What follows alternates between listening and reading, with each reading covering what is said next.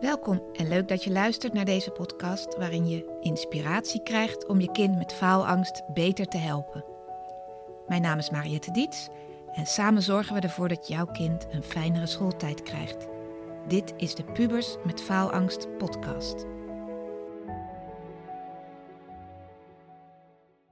Leuk dat je weer kijkt of luistert naar deze nieuwe aflevering. Vandaag heb ik zes tips op een rij gezet die jij gewoon in het dagelijks leven kunt toepassen in de omgang met je kind of met je puber. Om te zorgen dat je kind ja, minder stress voelt, beter om kan gaan met angsten, met faalangst. Maar gewoon door dingen in jouw basishouding die jouw kind gaan helpen. En de eerste tip die gaat over geef aandacht aan de positieve dingen. Wat werkt wel? Waar gaat het wel goed? Uh, wat is er wel? Want we zijn allemaal best wel gefocust. Veel mensen zijn gefocust op wat gaat niet goed. Hè? Sommigen doen dat gewoon als karakter. Mijn man, de IT'er, als ik het aanrecht heb gedaan, dan zegt hij: daar ligt nog wat. En dat kostte mij wel een paar jaar om daarmee om te gaan. Maar nu weet ik, zo is hij geprogrammeerd. Hij ziet waar een probleem is. Hij ziet waar het misgaat. En als ouders doe je dat soms onbewust. En als je dat altijd doet bij je kind, van hè, er is iets heel mooi geschreven en gemaakt, daar staat nog een taalfout. Klopt wel dat dat het is. En dat is ook mijn man die dat met de beste bedoelingen zegt.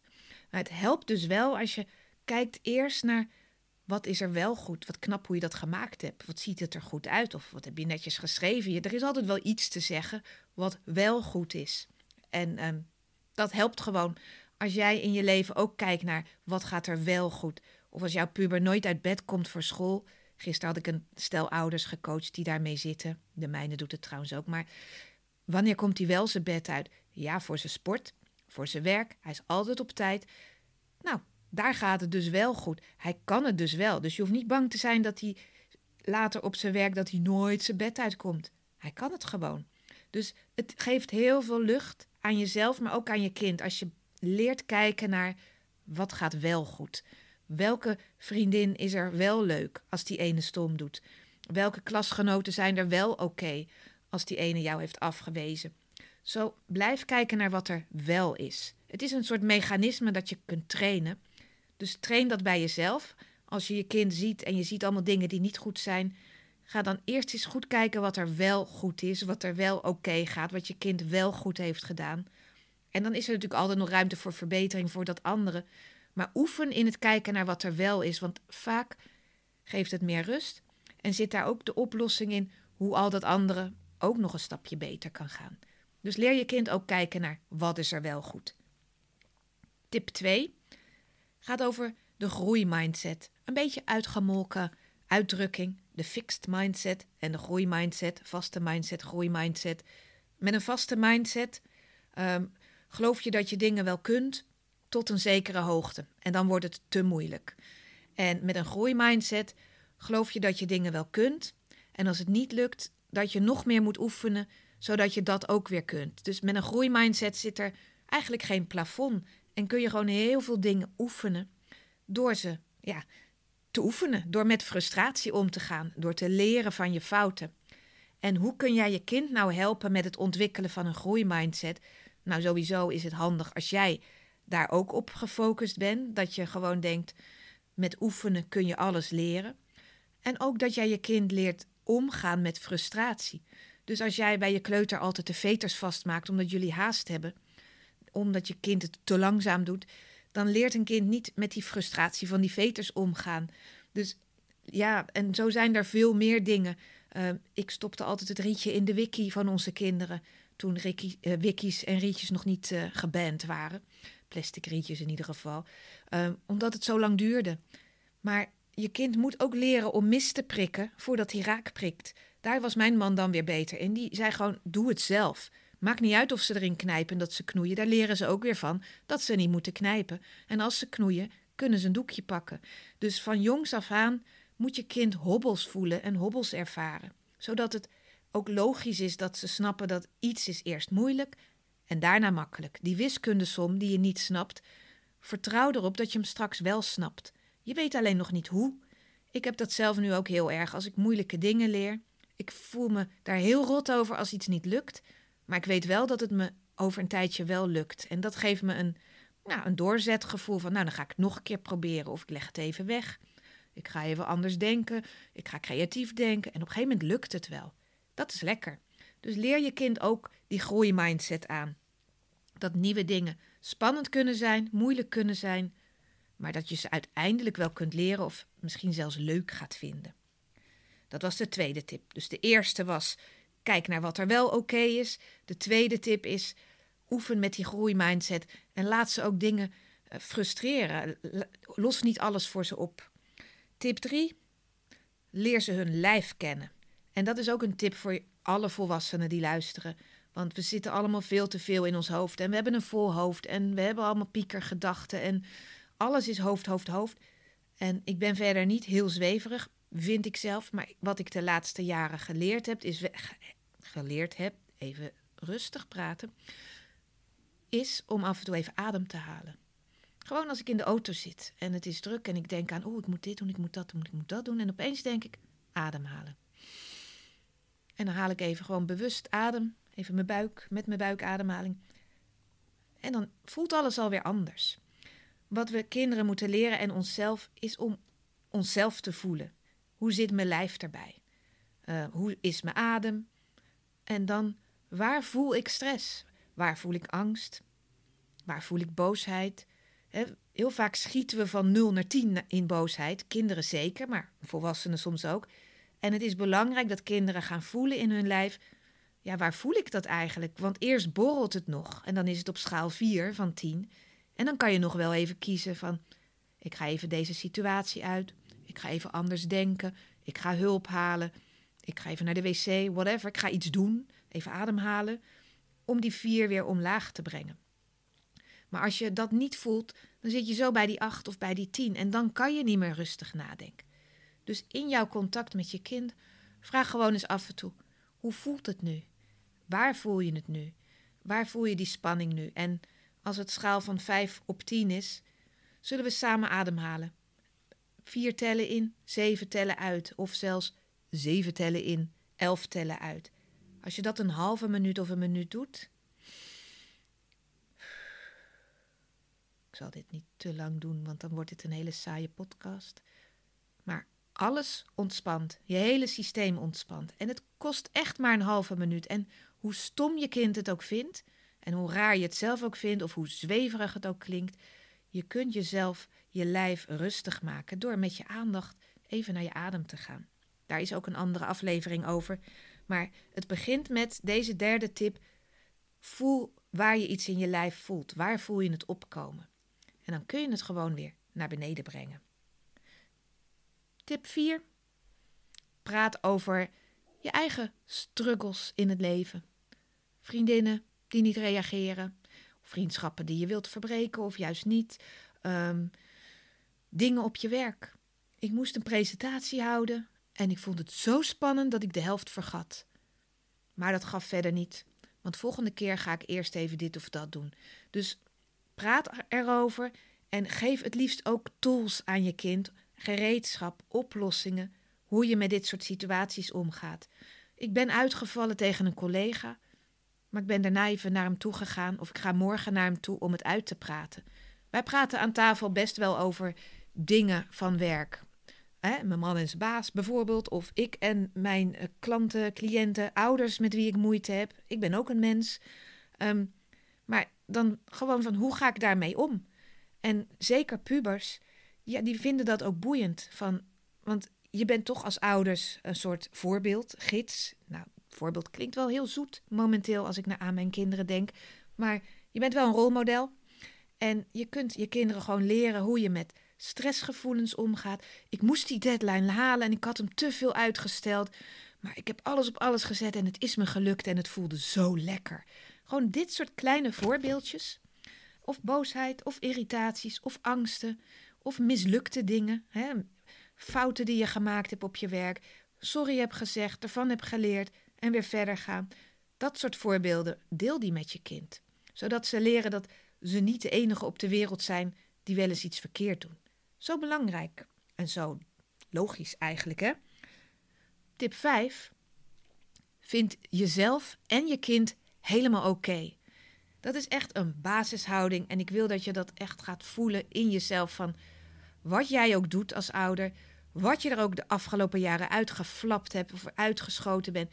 In essentie ben je oké. En misschien heb je domme dingen gedaan. Je hebt vast ook heel veel slimme dingen gedaan. Denk aan tip 1.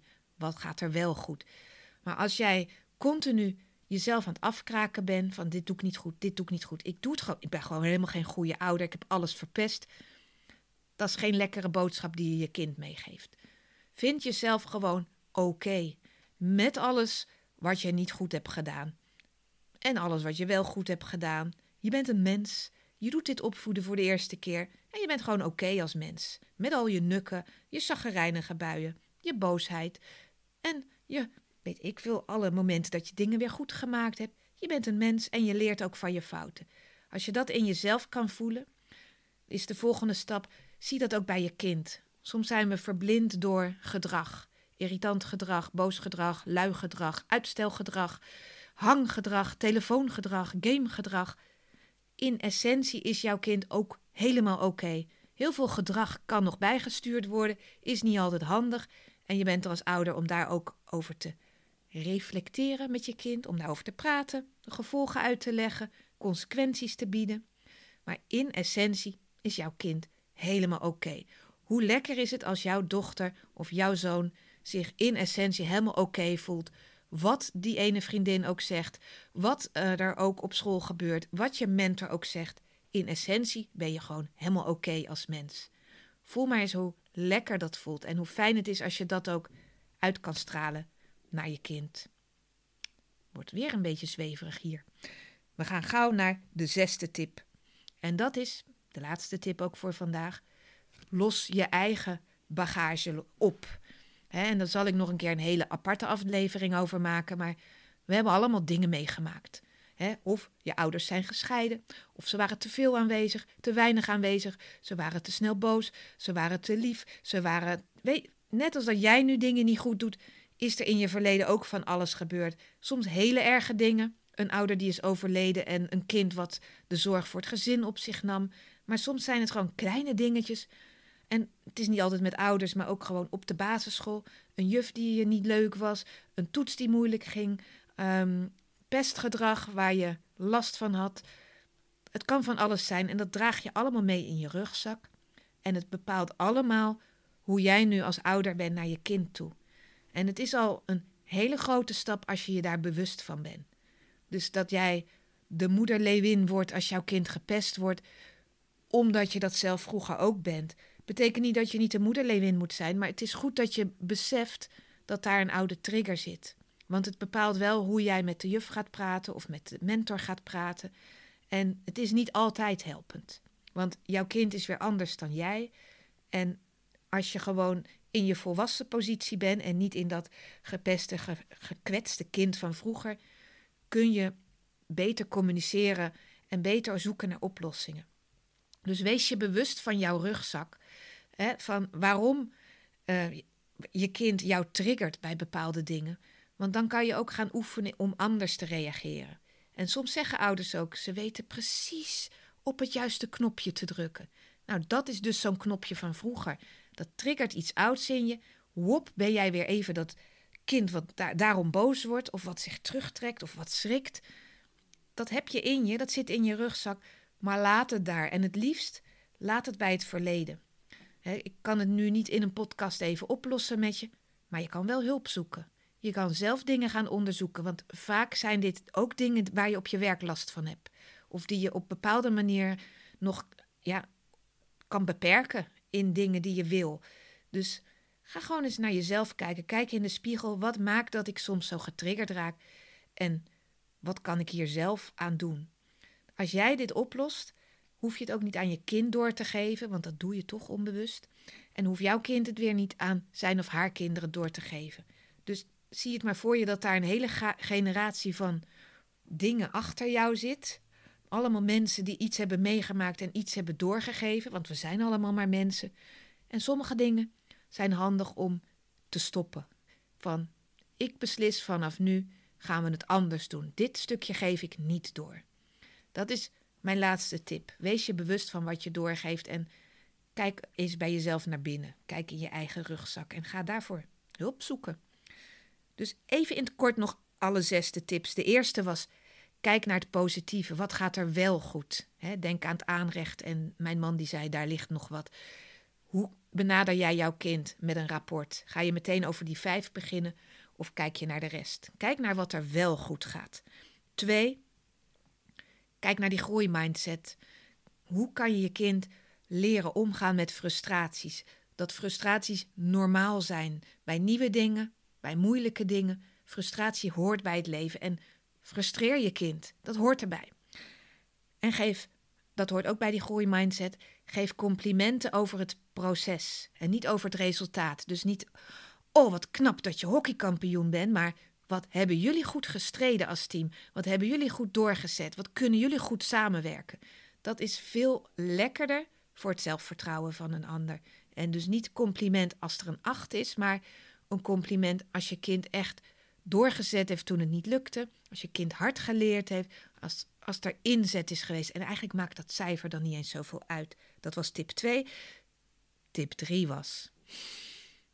Leer je kind ook voelen in het lijf en geef daarin zelf het voorbeeld. Voel waar je grens ligt. Voel of er stress op borrelt. Voel hoe je dat weer omlaag kan brengen. Ademhalen. Tip 5. Vind jezelf helemaal oké en je kind ook helemaal oké. Ondanks gedrag wat onhandig is, wat je kunt bijsturen, ben je in essentie oké. En tip 6.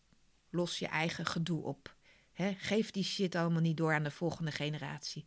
Hoe lekker is dat als je vanuit een pure blik lekker puur met je kind kan omgaan, zonder al die oude triggers. En heb je daar hulp bij nodig, kan je ook bij me aankloppen. Of bij andere hulpverleners. Dit zijn gewoon dingen die volwassenen op kunnen lossen. Nou, vond je dit interessant? Luister dan ook naar de andere afleveringen als je dat nog niet gedaan had. Dan krijg je een beetje een beeld van hoe ik denk over hulpverlening, stress, kinderen met faalangst, hoe je daarmee om moet gaan.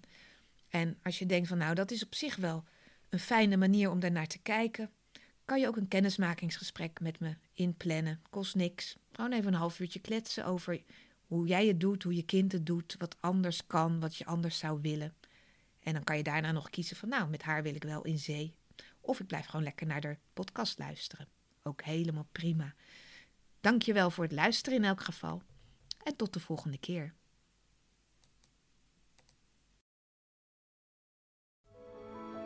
Bedankt weer voor het luisteren naar de Pubers met Faalangst podcast.